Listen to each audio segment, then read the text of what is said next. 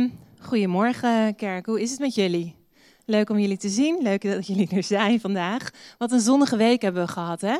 En we krijgen er volgens mij nog één of twee zelfs. Dus dat uh, belooft wat, want het is nog maar 1 juli. Uh, wie heeft er al zin in de zomervakantie? Ja, dat dacht ik ook. Ik ook.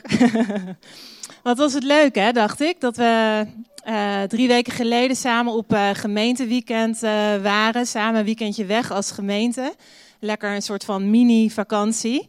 En ik weet niet of het jullie ook is opgevallen, maar Norman, Norman, waar ben je? Die zit meestal ergens achteraan. um, Norman die heeft het hele weekend met zijn fototoestel uh, rondgelopen en uh, allerlei foto's gemaakt. Ik weet niet of je die foto's al goed hebt bekeken ondertussen. Ze zijn een keertje hier voorbij gekomen, maar ik weet niet of je het hebt opgemerkt. Um, wat mij tijdens het weekend uh, opviel, is dat we zo goed gekleed gaan als kerk. Is het jullie ook opgevallen?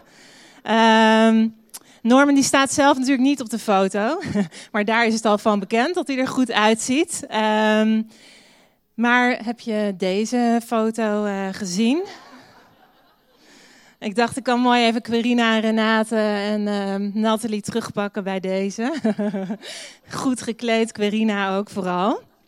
Um, en ik dacht bij het zien van deze foto's, van, uh, we worden in Utrecht vaak uh, onder de kerken de koffiekerk genoemd. Maar ik dacht, misschien is het ook wel een leuk idee om ons vanaf nu de t-shirt uh, kerk te gaan noemen.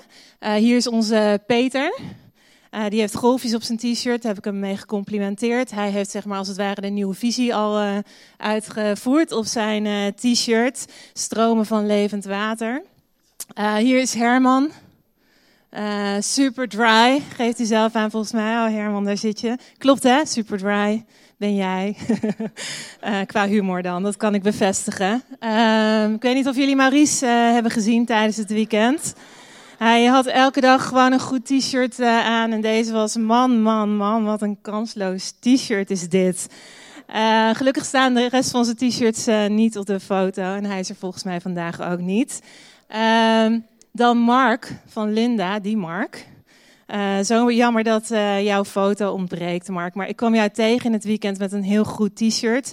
Uh, het ketchup t-shirt, ik weet niet of jullie dat wel eens gezien he hebben. Maar er staat deze tekst op. Catch up with Jesus. Let us praise and relish him. Because he loves me from my head to, to, to, to my toes. Tomatoes. Hele goeie. Jammer dat je hem vandaag niet aan hebt, Mark. Dat was leuk geweest. um, en het is nog waar ook, hè? Jesus loves us from our head to our toes. Dus goed, maar we hebben het gemeenteweekend natuurlijk al heel lang weer achter ons gelaten. We zijn drie weken verder. We've moved on. Uh, en Jan Bernard die sprak volgens mij de zondag na het gemeenteweekend uh, over, weet je dat nog, over baas over je eigen tong zijn, preek. En dat vond ik heel boeiend uh, onderwijs, vond ik een mooi onderwerp. En toen ik aan vandaag dacht, uh, nadacht over wat God zou willen zeggen tegen ons vandaag, dacht ik misschien kan ik daar uh, vandaag op verder gaan. Dus ik ga daarmee door. Uh, vandaag wil ik het graag met jullie hebben over vloek en over zegen. En eigenlijk de kracht van zegen of zegenen. Nou, vorige week liep ik uh, door de stad en dat is natuurlijk niet heel bijzonder bij mij, want ik woon in de stad. En toen kwam ik een van onze stamgasten van Healing on the Streets uh, tegen, HOTS, zoals wij dat hier noemen, voor de America, America Today winkel. En we raakten even samen met elkaar aan de praat. Hij was onderweg naar de markt en op een gegeven moment zei hij tegen me... Uh, hoe bijzonder hij het vond dat hij uh, ons een paar jaar geleden alweer uh, zomaar had leren kennen op de straat. Wie leer nou gewoon zomaar kennen op de straat, op de Stadhuisbrug tijdens het bidden. En hij zei dat hij nog nooit mensen had ontmoet zoals wij, met zijn eigen woorden. En die heb ik onthouden. Hij zei mensen die leven geven.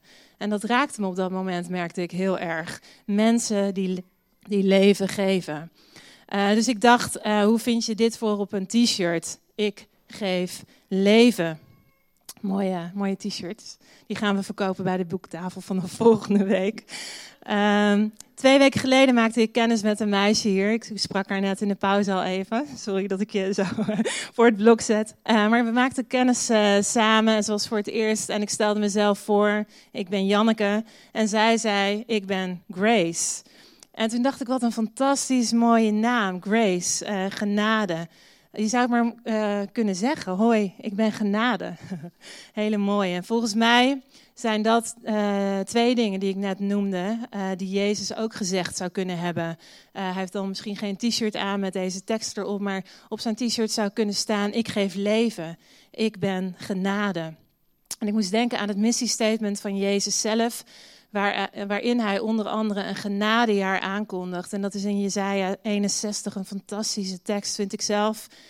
Waarin hij zegt: God heeft mij uitgekozen om aan arme mensen het goede nieuws te brengen. En om aan mensen die lijden weer hoop te geven. Om tegen gevangenen te zeggen: Jullie zijn vrij. Om aan mensen te vertellen: Er komt een jaar waarin de Heer jullie vergeeft. Dus ik dacht, hoe zou Jezaja 61, hoe, hoe zou dat eruit zien op een t-shirt? Dan zouden, zouden we er misschien heel kort op zetten. Ik breng goed nieuws. Ik geef hoop. Ik zet jou vrij. Ik breng, breng genade. Moet je nagaan als wij met dat soort t-shirts zouden rondlopen in de stad deze week. Ik weet niet of jullie dat zouden durven. Mark, zou jij het aandurven in plaats van je ketchup t-shirt? Uh, zoals jullie weten ben ik ruim uh, een jaar geleden uh, verhuisd naar een heel mooi nieuw huisje in het centrum. En daarvoor woonde ik ergens anders in het centrum. Op zich in een heel groot huis, maar dat zou je niet zeggen aan de gevel. Die was heel klein. Maar daarachter gingen 30 appartementen schuil. En het was best wel een bijzonder huis, zou je kunnen zeggen. Uh, zo rende mijn uh, gothic bovenbuurvrouw regelmatig s'nachts door het huis met de tekst, met de woorden: Ik vermoord je. Tegen haar vriend, gelukkig. Nee, niet gelukkig. Uh, mijn onderbuurvrouw, twee etages lager op de begane grond, die was al even bijzonder. Zij. Uh, had een, uh, een A4'tje gepakt en op haar raam geplakt voor de voorbijgangers op de stoep. En er stond op gratis toekomst uh, voorspellen, loop gerust binnen. Um, en op een zaterdag, uh, drie jaar geleden denk ik, zo'n drie jaar geleden, stonden we weer eens met een team op de Stadhuisbrug te bidden voor mensen. En ja, er gebeurden hele mooie dingen. En wie komt er op me af? Mijn onderbuurvrouw uh, kom ik tegen daar op de Stadhuisbrug. En weet je wat ze doet? Ze begint um, woorden, zinnen over me uit te spreken in de lijn van... wie denk jij wel niet dat je bent? Om hier genezing aan te bieden. Jij bent puntje, puntje. Jij bent puntje, puntje, puntje. En de puntje, puntje, puntje kan ik zeggen... daarvan kan ik zeggen dat die niet voor herhaling uh, vatbaar zijn, die woorden. Uh, ze herkende me in eerste instantie niet als haar buurvrouw, gelukkig. Maar ze sprak uh, wel die negatieve woorden op dat moment uh, over me uit. En ik dacht in de voorbereiding van deze preek, ik weet niet of dat ook voor jou geldt, uh, is zoiets wel eens bij jou gebeurd? Heeft iemand jou wel eens vervloekt? dat brengt me bij Spreuken 18, vers 21. En dit is hoe de Bijbel in gewone taal klinkt. woorden kunnen goed doen of kwaad doen. Dus denk goed na voordat je wat zegt. In andere versies, eh, als je de MBV erbij pakt, of de Groot Nieuwsbijbel, of zelfs de Basisbijbel, wordt het eigenlijk nog wat zwart-witter of wat heftiger uh, verwoord. En daar staat: Onze woorden hebben macht over leven en over dood. Je tong heeft macht over leven en dood. Dus we hebben een keuze uh, tussen het brengen van leven en dood. Je zou kunnen zeggen, ik breng leven of ik breng dood. Dat is de keuze in de t-shirts die je zou kunnen dragen.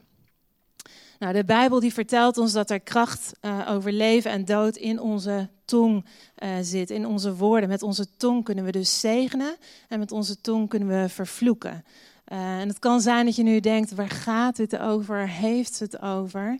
En dat snap ik eigenlijk wel een beetje. De woorden die ik gebruik, zegen en vloek vandaag, uh, die lijken misschien eerder uit een uh, rechtstreeks uit een Harry Potter boek te komen, of een Lord of the Rings film, of misschien een C.S. Lewis-achtig boek. Maar niks is minder waar. Uh, zegen en vloek, uh, dat is bijbelse taal. Je vindt het eigenlijk terug uh, door de hele Bijbel als rode draad, door de hele Bijbel heen.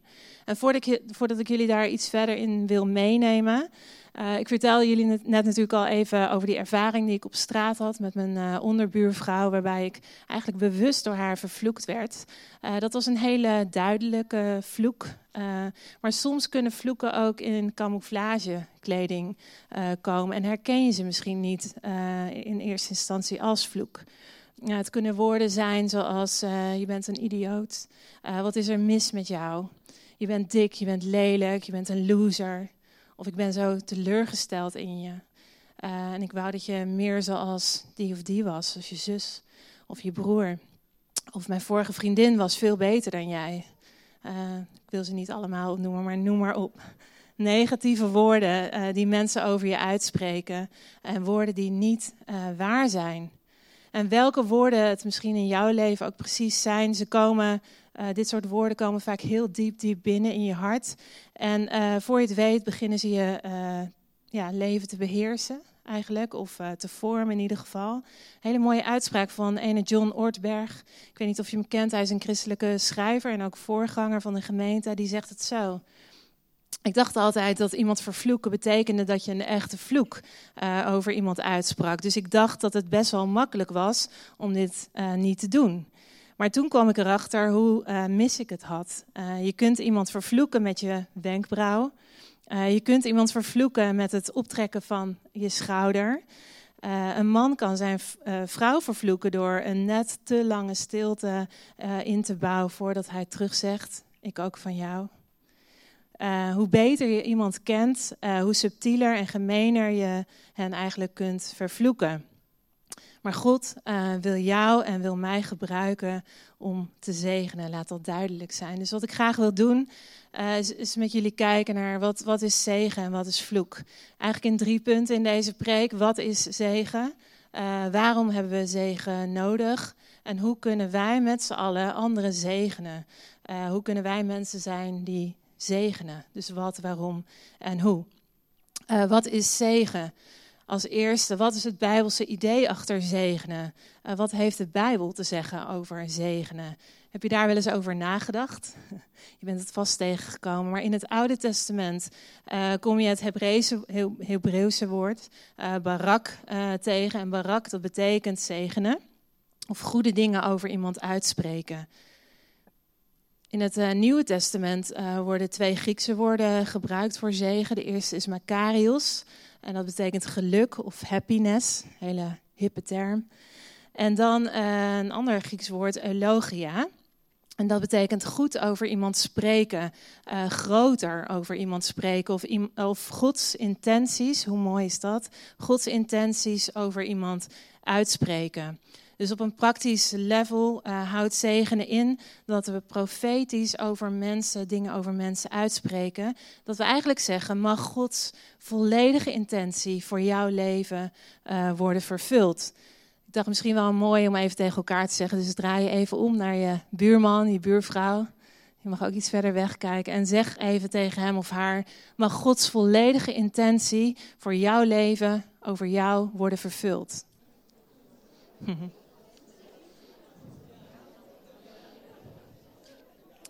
Wat jullie op deze manier uh, doen, en het klinkt supergoed, is jullie planten eigenlijk Gods uh, goedheid in elkaars hart, in elkaars leven op dit moment. En ik heb het hier over de drie G's. Ik vind het een hele mooie geest van God. Uh, goedheid, genade en gunst. dus het gaat over het vullen, het bijvullen van iemands hart, iemand blij maken. En een vloek, dat is het tegenovergestelde. En doet ook het tegenovergestelde als een zegen. Je zou kunnen zeggen, vloek is uh, het afwijzen of het tegenspreken van Gods uh, goede intenties over iemand leven. Uh, vloek is ongenadig, zorgt voor ongenoegen, het zorgt voor onvrede en voor destructie en dysfunctie bij iemand. En dat is eigenlijk wat mijn onderbuurvrouw ook bij mij deed die dag. Ze sprak heel bewust een vloek uit over mij in plaats van me te zegenen. En ik moet eerlijk zeggen, daar werd ik niet blij van. En ik kom straks nog eventjes uh, terug uh, daarop, maar soms uh, dan kan zo'n vloek, zo'n negatieve uiting over jou door iemand anders grote impact op je krijgen of hebben. Ook al zijn de woorden niet waar. Um, zo'n vloek, bijvoorbeeld je bent geen leider of je kunt niet zingen. je zult nooit, puntje, puntje, puntje. jij bent niet, puntje, puntje uh, kan ervoor zorgen dat je bewust of onbewust alles eraan gaat doen uh, om maar te bewijzen dat uh, wat er gezegd is over je niet waar is en niet klopt. maar wat je dan doet, zo ga je leven vanuit de vloek. En ik denk dat God ons vandaag uitnodigt om onder die vloek vandaan te komen en te gaan leven vanuit de zegen, zijn zegen. Nou, tweede punt, waarom hebben we zegen nodig? Um, ik weet niet wie van jullie mannen getrouwd is, sowieso. Een heleboel. Dankjewel. Wie van jullie heeft, uh, is naar zijn schoonvader voor het huwelijk gegaan en heeft om een zegen gevraagd aan hem? Vind ik altijd heel mooi. Zei die ja? Gelukkig wel, ja. Stel je eens voor dat hij nee had gezegd. Waarom hebben wij Gods uh, zegen nodig? Ik denk heel simpel, we hebben uh, Gods zegen nodig omdat we gemaakt zijn voor zegen. Wij, jij en ik uh, en iedereen die rondloopt op deze mooie aardbol is gemaakt voor zegen. God wil zijn goedheid, zijn gunst uh, op ons leven leggen. Ons, je zou kunnen zeggen, ons mens zijn wordt gekenmerkt door zegen.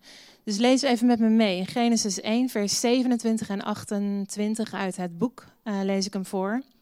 Daar staat, en God maakte de mens. Hij maakte hem zo dat hij heel veel op hem leek. De mens leek heel erg op hem. Hij maakte een man en een vrouw. God zegende hen en zei tegen hen: Krijg veel kinderen, zodat er heel veel mensen komen. Ga over de hele aarde wonen en heers over de aarde. Zorg voor de vissen in de zee, de vogels in de lucht en de kruipende uh, dieren. Dus wat je hier ziet is Genesis 1 start met zegen. Het is het allereerste wat we lezen als we de Bijbel openslaan bij hoofdstuk 1. Uh, de Bijbel start dus niet met zonde, de Bijbel start uh, met zegen. Het is het allereerste wat God doet. Uh, God zegende hen, staat er zo mooi. Hij zei, draag vrucht. Um, dus wij zijn gemaakt voor het ontvangen van zegen. En dit is nog, uh, dat is denk ik heel belangrijk, dit is nog voordat wij ook maar iets hebben gedaan. Dus voor de zonde ook. zegen staat aan het begin van ons leven. Maar dat blijft niet zo. Satan die komt met een leugen. Uh, en dat is één en dezelfde leugen, dezelfde strategie uh, die hij heel vaak gebruikt, of eigenlijk altijd. En die komt neer op God houdt dingen voor jou achter. je kunt je eigen God zijn en je gedrag zal geen consequenties hebben. Ik weet niet of die leugen jullie bekend voorkomt.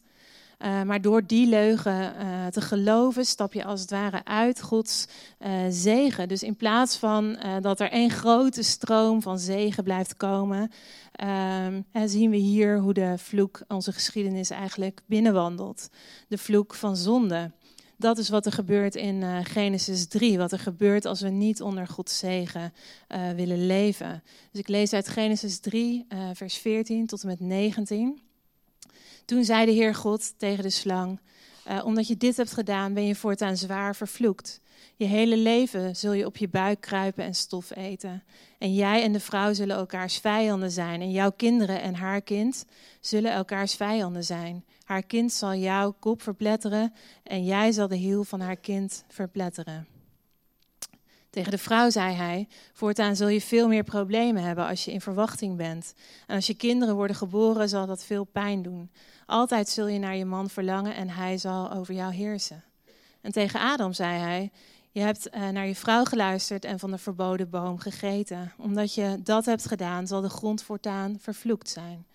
Je zal altijd je leven lang moeten zoeken om te eten te hebben. Je zal, je zal je in het zweet moeten werken om brood uh, te eten te hebben. Dus wat we zien uh, hier uh, is dat de zegen van Genesis 1 verandert in drie soorten verschillende vloeken. Over de slang, die ik net voorlas, over de man en vrouw, over de mens zou je kunnen zeggen. En ook over de aarde. We zien het effect van de keuze om buiten Gods zegen te gaan leven. We zien dat zegen ehm, niet de enige kracht is die er bestaat. Uh, en we zien dat uh, deze vloek eigenlijk impact heeft op alles. Uh, heeft impact op onze relatie met God, op onze relatie met onszelf en op onze relatie met anderen. En zelfs de aarde staat er, schreeuwt het uit onder de vloek. Nou, via via hoorde ik een, uh, een verhaal over een vrouw die een, uh, een organisatie heeft opgericht. een super intelligente, talentvolle vrouw. En ze was ook nog eens heel erg mooi en gerespecteerd door anderen. En op een dag ontplofte haar leven als het ware. Ze raakte haar organisatie ook kwijt, haar respect, haar leven vulde zich met schaamte. En er werd aan haar later, een paar maanden later, werd aan haar gevraagd: hey, wat gebeurde er nou? Uh, het leek alsof jij alles zo goed voor elkaar had. En zij antwoordde: Weet je, toen ik klein was, uh, zei mijn vader vaak tegen me: Je bent lelijk en er is geen man die, ooit, die jou ooit wil. En uh, ze zei: Ik groeide op met deze woorden gewoon altijd in mijn hoofd. En toen ik ging studeren, toen merkte ik dat ik eigenlijk best wel knap was. En ik denk als je haar zou ontmoeten, zou je dat uh, bevestigen. En ze begon ook te ontdekken op dat moment dat uh, mannen haar eigenlijk wel leuk vonden. En ze begon uh, seks te gebruiken als middel om haar wond, om de vloek te genezen. Met elke man met wie ze was, probeerde zij eigenlijk aan haar vader te bewijzen dat hij het fout had. Dat mannen haar wel degelijk van haar hielden. En dit is wat ze zei. Ik denk dat ondanks mijn succes en alles wat ik had bereikt, de stem van mijn vader nog steeds de luidste stem in mijn hoofd was. Dus er zit kracht in uh, vloeken die over ons worden uitgesproken. En ik vroeg me af, wat is op dit moment uh, de luidste stem in jouw hoofd, in mijn hoofd? Wat, wat drijft ons? Wat drijft jou en mij? Uh, word je gedreven door zegen of word je gedreven door vloek? Nou, het goede nieuws is natuurlijk dat God ons niet in de steek heeft gelaten en uh, niet heeft overgeleverd aan die vloek. Uh, bijna direct nadat de zonde en de vloek uh, hun entree deden in, in de wereld, begint God een andere kracht vrij te zetten. God stapt opnieuw in ons verhaal en geeft zijn volk, hij geeft Abraham een missie. Deze missie verwoordt als het ware het idee van zegenen. En hij staat in Genesis 12, vers 3 en 4. Uh, ik zal je tot een groot volk maken. Ik zal je zegenen. Ik zal je aanzien geven. Een bron van zegen zul jij zijn. Ik zal zegenen wie jou zegenen. En wie jou bespot, zal ik vervloeken. Dus opnieuw zegen en vloek. Be blessed and be a blessing. Dat is wat ik lees. Met andere woorden, God zegt: Ik zegen jou en jij zegent anderen. Het is een soort van part of the same deal. Jij bent een bron van zegen. Ik vind het een hele mooie missie. Wij hebben natuurlijk net een nieuwe missie, maar dit is ook een hele mooie. Uh, God gebruikt zijn volk om uh, de, vervolgen, of de gevolgen van uh, de vloek in deze wereld ongedaan te maken. Het volk krijgt zelfs een hele mooie speciale zegen, die als het ware deel wordt van hun liturgie. En in elke meeting over hen wordt uitgebeden, uitgesproken. En die staat in nummer 6, vers 22 tot 27. Um, daar zegt um, de Heer tegen Mozes: uh, Met deze woorden moet je hen zegenen. Mag uh, de Heer je zegenen en je beschermen. Mag de Heer het licht van zijn gelaat over je doen schijnen en je genadig zijn. Mag de Heer je ge uh, zijn gelaat toewensen, wenden. Ook mooi, wenden. En je vrede geven. Als zij mijn naam over het volk uitspreken, zal ik de mensen zegenen. Dus je kunt je wel voorstellen, ik denk dan altijd, ik ben een uh, beeldend type, dus dan zie ik het helemaal voor me hoe dat dan gaat. Ik zie dan de ene Israëliet tegen de andere zeggen, uh, hey, waar ga je naartoe vriend? Oh, ik ga naar die meeting. Hey, wat ga je daar dan doen? Oh, ik ga daar een, uh, een zegen ontvangen. Ik ga daar staan en dan wordt er een zegen over me uitgesproken. En dan ga ik er weer van vandoor. uh, maar dit volk had een identiteit van zegen. God legt zijn naam, hoe mooi is dat, op je. En met die naam komt zijn gunst en uh, zijn goedheid op je. Zijn genade over je. Met die naam komt zegen. En precies deze zegen komt Jezus even later verder uitwerken in zijn missie, in zijn ministry. God die stuurt ons Jezus om alle effecten van de vloek uh, weg te nemen en te vervangen door zegen. En dat brengt ons bij Galaten 3. En Galaten 3 is een hoofdstuk waarin uh, Paulus met ons deelt over wat er eigenlijk precies aan het kruis uh, gebeurt. Want misschien is het heel ingewikkeld, maar hier staat, hier legt hij uit wat er gebeurt. Hij zegt, maar Jezus heeft ons vrijgekocht van deze vloek, uh, door voor ons te worden vervloekt. Want er staat geschreven: Vervloekt is ieder mens die aan een paal hangt. Zo delen door Jezus alle volken in de zegen van Abraham. Dus als je dit vers leest en denkt: hey, wauw, dit gaat over vergeving. Uh, Jezus die onze zonde wegneemt, dan heb je helemaal gelijk. Maar er gebeurt eigenlijk veel meer dan dat. Het gaat veel verder dan dat. Jezus keert de vloek om in zegen. Dit is wat ze wel noemen, theologen wel noemen, de Great Exchange. Ik weet niet of je daar wel eens eerder van uh, hebt gehoord, maar aan het kruis, wat er aan het kruis gebeurt. Uh, er vindt eigenlijk een grote ruil, als je dat zou vertalen, plaats. Op wel tien verschillende of misschien wel meer verschillende manieren. En een, een, een aantal van die manieren, dingen die Jezus doet, is... De eerste is Jezus die wordt gestraft, zodat wij vergeven zouden zijn. Uh, Jezus werd verwond, zodat we genezen zouden worden. Jezus droeg onze zonde, zodat wij rechtvaardig zouden kunnen zijn. Jezus stierf onze dood, zodat wij leven zouden kunnen hebben. Jezus werd tot een vloek, zodat wij in zegen kunnen wandelen. En zo nog uh, vijf, maar die noem ik nu even niet op. Maar ik dacht dat een geweldige tekst. Hè? Misschien kunnen we gewoon even samen amen roepen. zo mooi, hè? Dat is echt zo gaaf. Dit is wat Jezus uh, in ons, in zijn dood, aan het kruis heeft gegeven. Hij heeft alle zonde, alle vloek uh, daar teniet gedaan, zodat wij zijn zegen kunnen ontvangen. Dit is de Great Exchange. Ik dacht, wat een mooi, telkens weer denk ik dat, wat een mooi keerpunt in ons verhaal. Wat een goede ruil, hè? Zegen in plaats van vloek. Ik zou er elke dag voor tekenen. Gods hart voor ons uh, is dat wij ook vandaag gezegend zijn en altijd gezegend zijn. Dat we uh, ervaren en leven vanuit alles dat Jezus voor ons heeft gedaan aan dat kruis. En net zoals Adam uh, werd gezegend voordat hij ook maar iets had gedaan, voordat God hem een missie gaf, zo zegent God ons uh, voordat we ook maar iets hebben gedaan en uh, voordat wij op missie uh, gaan. Dus kijk anders even met me mee naar Lucas 24, wat daar ook alweer gebeurt. Ik weet niet, je hebt natuurlijk verschillende evangeliën met verschillende eindes. Mijn favoriete einde stond altijd in uh, Matthäus 28. Je kent, hem, je kent hem denk ik wel, ga er dan op uit om alle volken tot mijn discipelen te maken. Uh, maar ik ben deze week een soort van bekeerd. uh, ik heb nu een nieuw favoriet einde uh, van een van de evangeliën. En dat is Lucas 24. Ehm, en daar staat, toen nam Jezus de leerlingen mee de stad uit. En toen tot bij het dorp van Bethanië. Hij stak zijn armen uit en hij zegende hen. Mooi hè? En terwijl hij hen zegende, ging hij weg. God haalde hem naar de hemel. Dus dit is, nou, dit is gewoon het laatste beeld wat de discipelen van Jezus uh, hebben. En ik vind dat zo een mooi beeld. Als je iets onthoudt van deze preek, onthoud dan dit beeld. En ik weet natuurlijk niet precies de technische details van hoe Jezus dat op dat moment deed. Ik was er niet bij.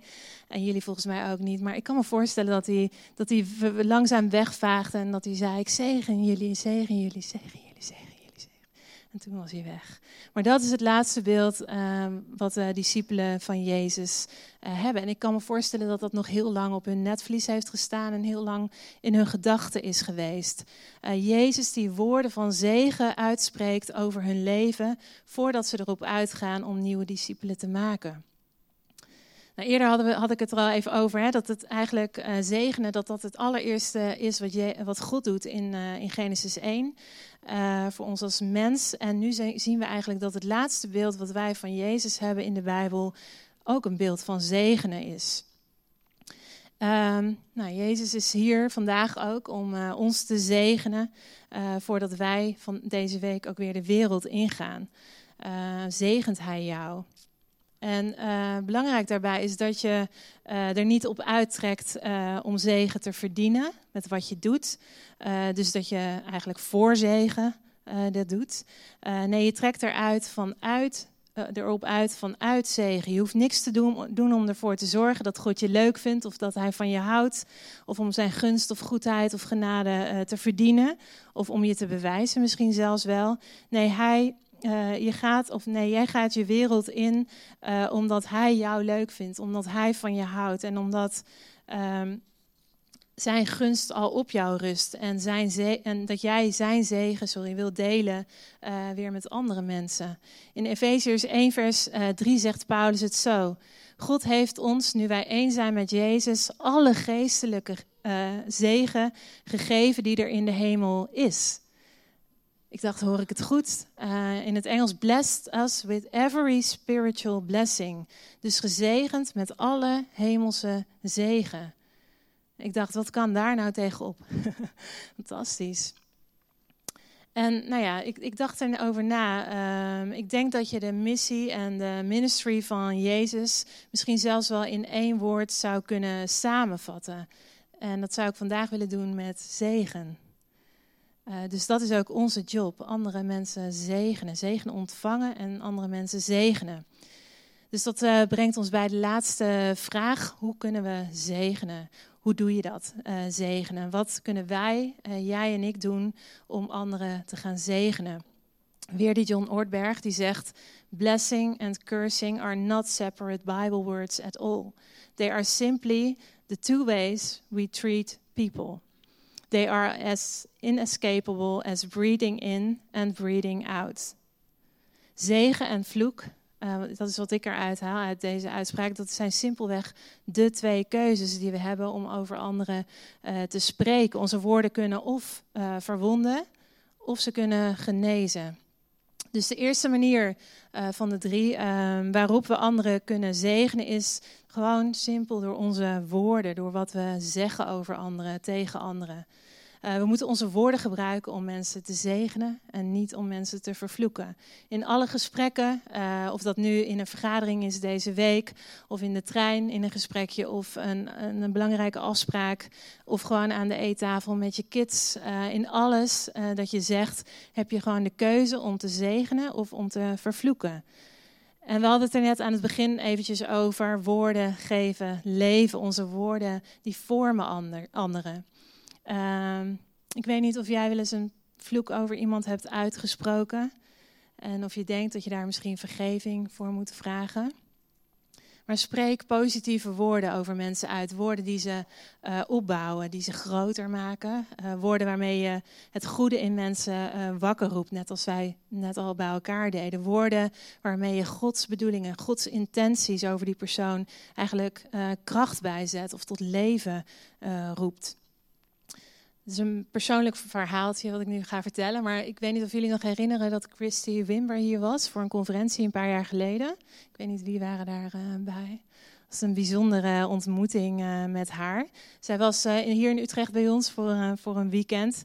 En ehm, ik merkte, ik vond het gewoon zo'n leuke vrouw. Dus los van alle meetings, in alles wat zij zei. Als je gewoon een gesprekje met haar had. Ze gebruikte het woord God niet of zo, maar ze was de hele tijd, als het ware, aan het zegenen. Ze was de hele tijd eigenlijk profetisch aan het, uh, aan het spreken over, over mensen en ook over uh, mij. Uh, en, en, in een van de diensten moest ik s ochtends openen. En uh, na het openen kwam er iemand uit de zaal naar me toe en die sprak hele negatieve woorden over me uit. Die er eigenlijk op neerkwamen, jij moet, uh, jij moet dit niet doen, uh, hier ben jij niet voor geroepen. En ik was er best wel verdrietig van, van mijn stuk. En nou, de rest van de dienst werd een feit. En in de tijd van bediening, uh, ik stond ergens achteraan, er waren een aantal woorden van kennis. En opeens hoor ik uh, Christy mijn naam uh, roepen. En had een woord voor me. Ze zei, stand up honey. Echt Amerikaans. God has given you an anointing to teach and to preach, zei ze.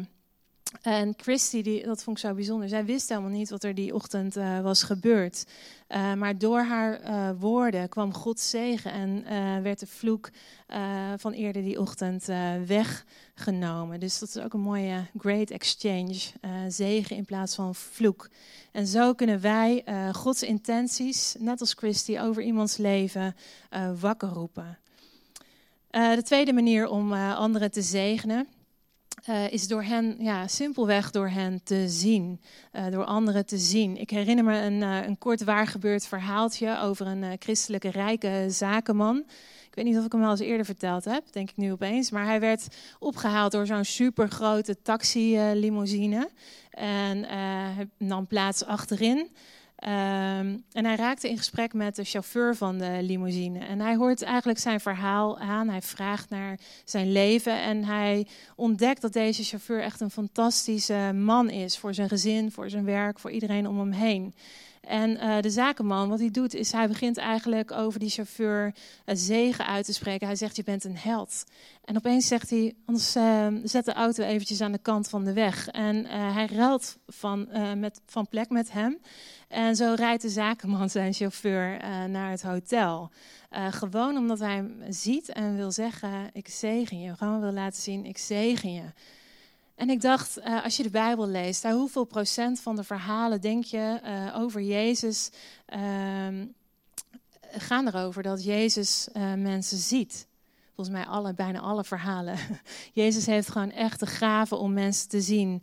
misschien mensen die anderen over het hoofd zien. Dus iemand zien is iemand zegenen. Ik weet niet wie loopt er wel eens door Hoog Katerijnen heen. En bij de uitgang van de Albert Heijn staat tegenwoordig zo'n complimentenpoort. Heb je die wel eens gezien? Nee, hè? Het is heel onopvallend, maar ik zou er deze week zeker even langslopen. Want er zit een sensor in en als je er doorheen loopt, uh, dan ontvang je een complimentje. Dus dan hoor je opeens, nou, ik weet niet precies meer wat ze, maar je ziet er mooi uit vandaag of uh, zoiets. Ben je goed, goed bezig. uh, en je ziet mensen verbaasd kijken als ze er doorheen lopen. En ik dacht, dat, zo gaat het ook bij ons. Alle mensen die we deze week tegenkomen, die uh, lopen langs onze sensor. En we kunnen ze gewoon zegenen, een compliment geven. En natuurlijk gaat zegen veel verder dan complimenten geven. Maar iemand zien is iemand zegenen. Nou, de laatste manier om mensen te zegenen, uh, dat is door andere mensen in hun kracht te zetten. En ik vind dat niet zo mooi. In het Engels zou je zeggen empowering uh, people. Dat vind ik een hele mooie, maar die is niet, niet zo goed te vertalen. Dus mensen in hun kracht zetten, laten we die maar gewoon even aanhouden. Um, ik dacht, ja, soms zijn we zo gewend uh, als instinct, instinct om onszelf uh, af te schermen. Hè? Dingen waar we zelf heel goed in zijn, om, om die voor onszelf te houden en niet met anderen te delen. maar we kunnen andere mensen zegenen met wat wij hebben, waar wij goed in zijn. En we kunnen mensen die beter zijn in dingen uh, dan wij zelf zegenen. Uh, door hen te laten weten uh, dat hun hulp of hun bijdrage, hun werk heel welkom is. En hen te zegenen te doen waar zij goed in zijn. Um, ja, door eigenlijk ruimte te maken voor hen. Dat is ook onze, onze job. Dus tot slot twee vragen om, om mee af te sluiten. Uh, de eerste vraag is: heb jij hier vandaag, zit je hier en heb je zegen nodig? En de tweede vraag die ik zou willen stellen is: uh, wie ga jij deze week zegenen? Gewoon concreet. Ik denk nog steeds dat de regio Utrecht, de stad Utrecht, een totale andere plek zou zijn. Uh, als iedereen, als wij iedereen deze week die we tegenkomen, zegenen elke dag. Uh, onze missie voor deze week, voor deze zomer, voor de komende periode is zegen iedere persoon uh, met wie je praat, met wie je in contact komt. Uh, dat in alles wat je zegt uh, zegen doorklinkt. Dat je met je woorden continu alleen maar zegent. dus mijn gebed voor ons is dit: dat je Gods zegen mag kennen voor jezelf. dat je van Gods zegen voor jezelf ook ontzettend mag genieten. En dat je uh, Gods zegen overal waar je komt uitspreekt en vrijzet en brengt. Dus you, you are blessed to be a blessing. Jij bent gezegend om een zegen te zijn. En dat zijn twee dingen van dezelfde deel. Jij wordt gezegend en je mag een zegen voor anderen zijn. Op jouw t-shirt staat: Ik geef leven. Zullen we die gaan verkopen, Suzanne, bij de boekentafel? uh, jouw woorden hebben kracht. Kracht om de vloek om te zetten in zegen. Kracht om te zegenen, om te genezen, om te vergeven, om leven te geven. Amen. Zullen we gaan staan? Zullen we God uitnodigen om, uh, om dit woord gewoon uh, ja, levend te maken in ons op dit moment? Dus kom, Heilige Geest. U bent welkom. Kom met uw aanwezigheid en werk uw woorden uit. We wachten op u. En we zegenen, Vader, wat u aan het doen bent in ons midden vanochtend. U bent hier om te zegenen.